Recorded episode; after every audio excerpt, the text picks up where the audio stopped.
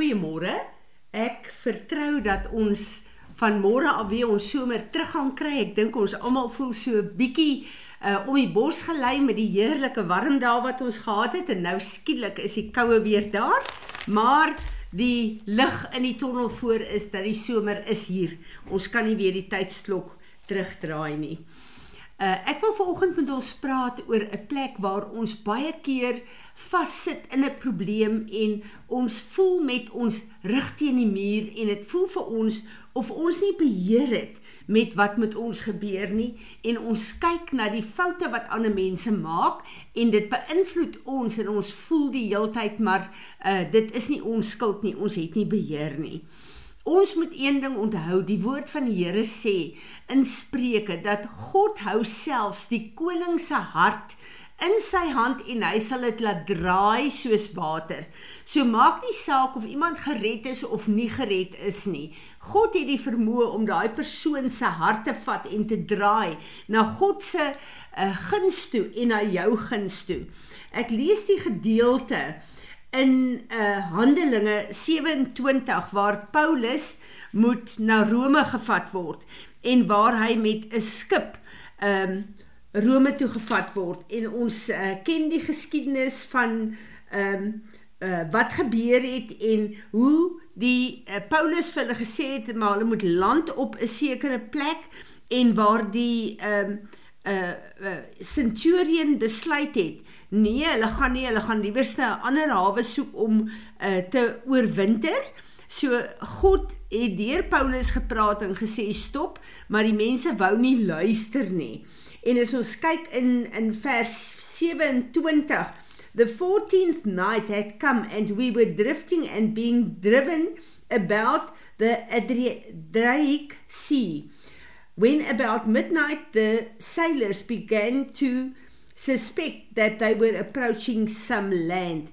So hierdie is na hulle 'n uh, eh, regtig 'n uh, lang tyd op see was en hulle geen uh, redding gehad het nie wat hulle uh, land begin sien het voor hulle.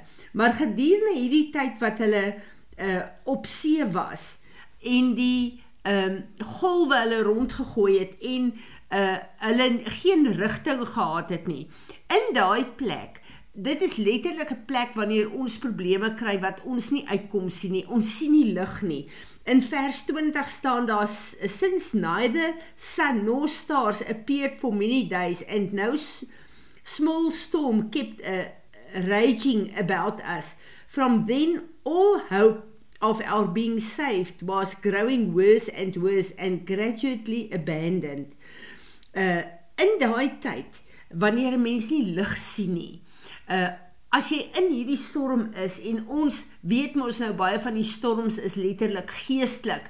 As ons in daai storm is, net voel vir ons, ons gaan totaal tot niet gaan.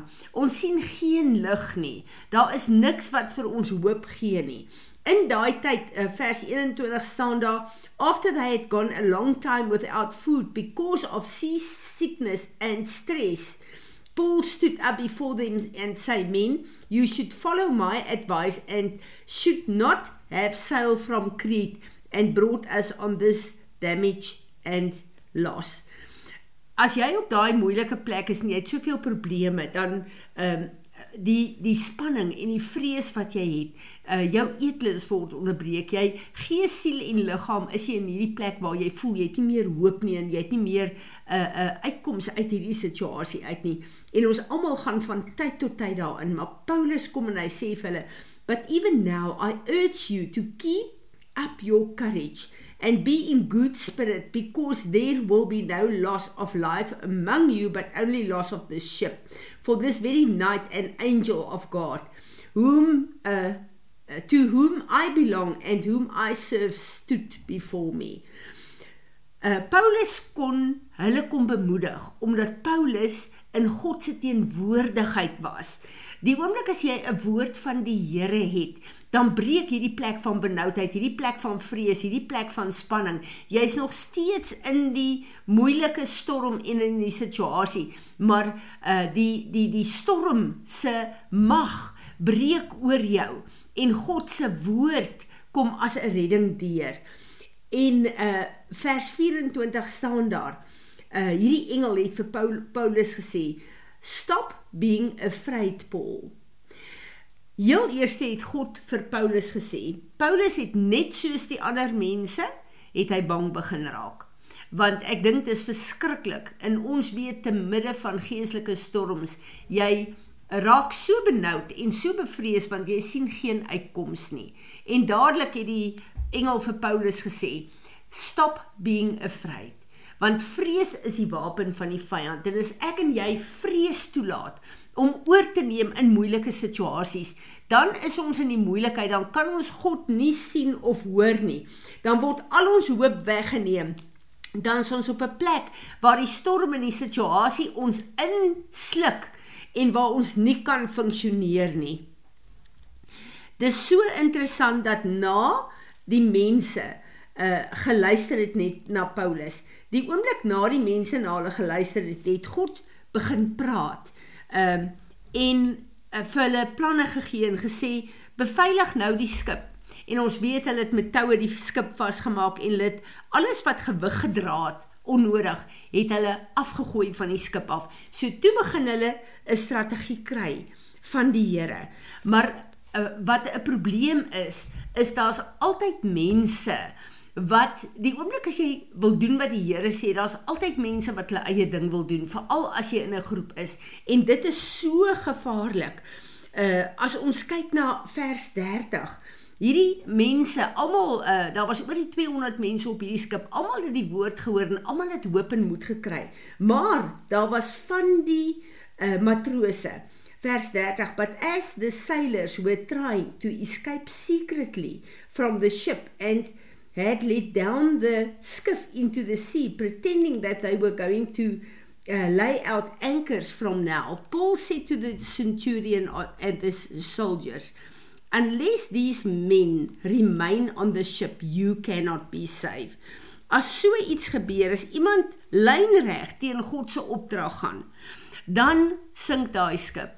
Dan uh hulle ongeloof werk dan in op God se plan. En hier sê Paulus, as hulle dit gaan doen, dan gaan hulle as hulle hulle eie pad wil volg, dan gaan almal vergaan. En ons weet dat hulle toe al die uh toue en die goed afgesny het sodat hulle op die skip kan bly. Um vers 33 tot 35 is letterlik 'n plek waar while they waited for the day to dawn Paul encouraged them all and told them to have some food saying this is the 14th day that you have been constantly on watch and going without food having eaten nothing Partykeer as hierdie storms en hierdie probleme net eenvoudig aangaan en aangaan en aangaan en die een week na die ander gaan verby, dan word 'n mens so maklik op 'n plek waar jy moeg en moedeloos raak, waar jy dink hierdie goed gaan nooit nooit verander nie. Paulus kom en hy sê ek I urge you to eat some food. En hy uh, for this is for your survival, for not a hair from the head of any of you will perish. Having said this, he took bread and gave thanks to God in front of them, and he broke it, and they began to eat. Then all of them were encouraged, and their spirits improved, and they also ate some food. Uh wanneer jy doen wat die Here sê, die situasie het nog nie verander nie, maar die oomblik uh toe hulle God se woord vat, is hulle bemoedig en bekragtig. Toe kon hulle eet.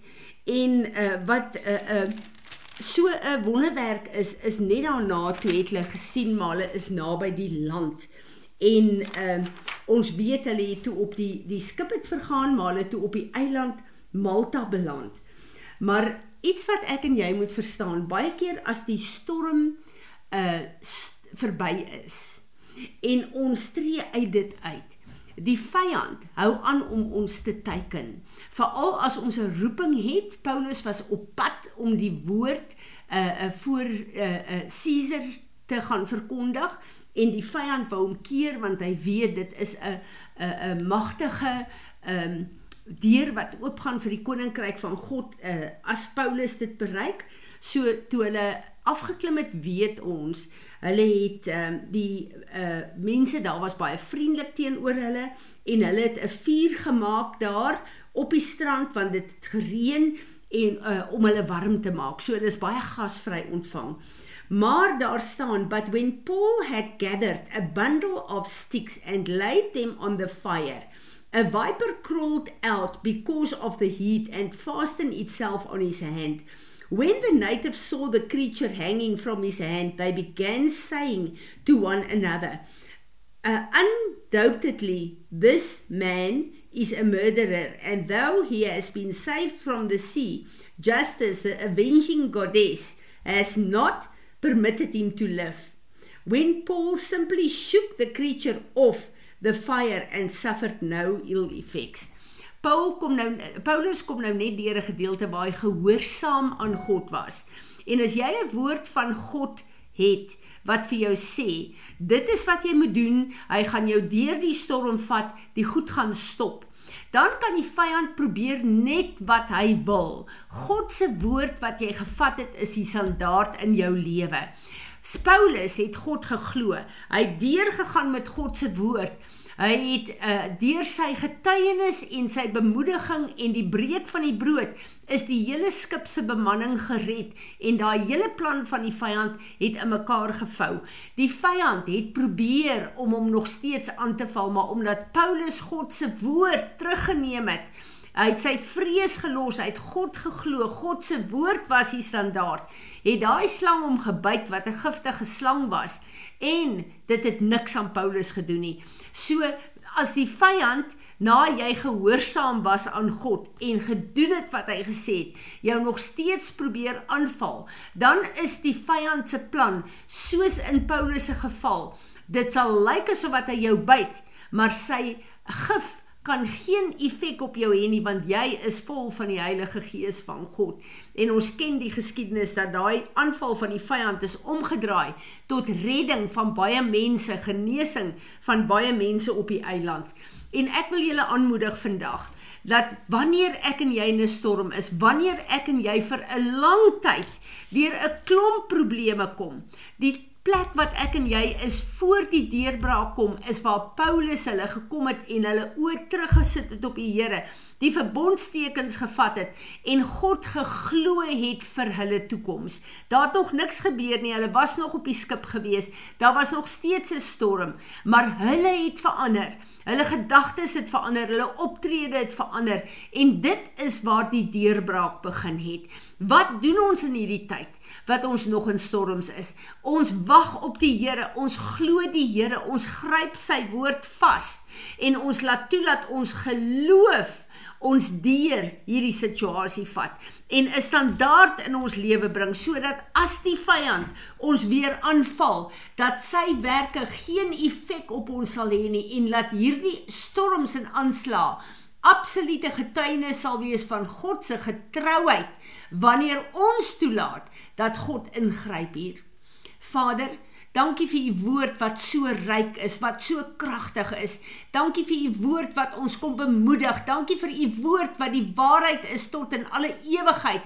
En dankie Vader dat in u woord is alles opgeteken wat ons nodig het en dat u dit gebruik as 'n swaard teen die vyand in ons lewe, maar as brood wat ons kan voed, Here, ons kan versterk. Here Jesus en dankie dat u die brood en die druiwesap is en dat ons u tekens het om ons te herinner maar om ook die vyand te herinner dat die kruis van Golgotha ons oorwinning is tot in alle ewigheid. Amen.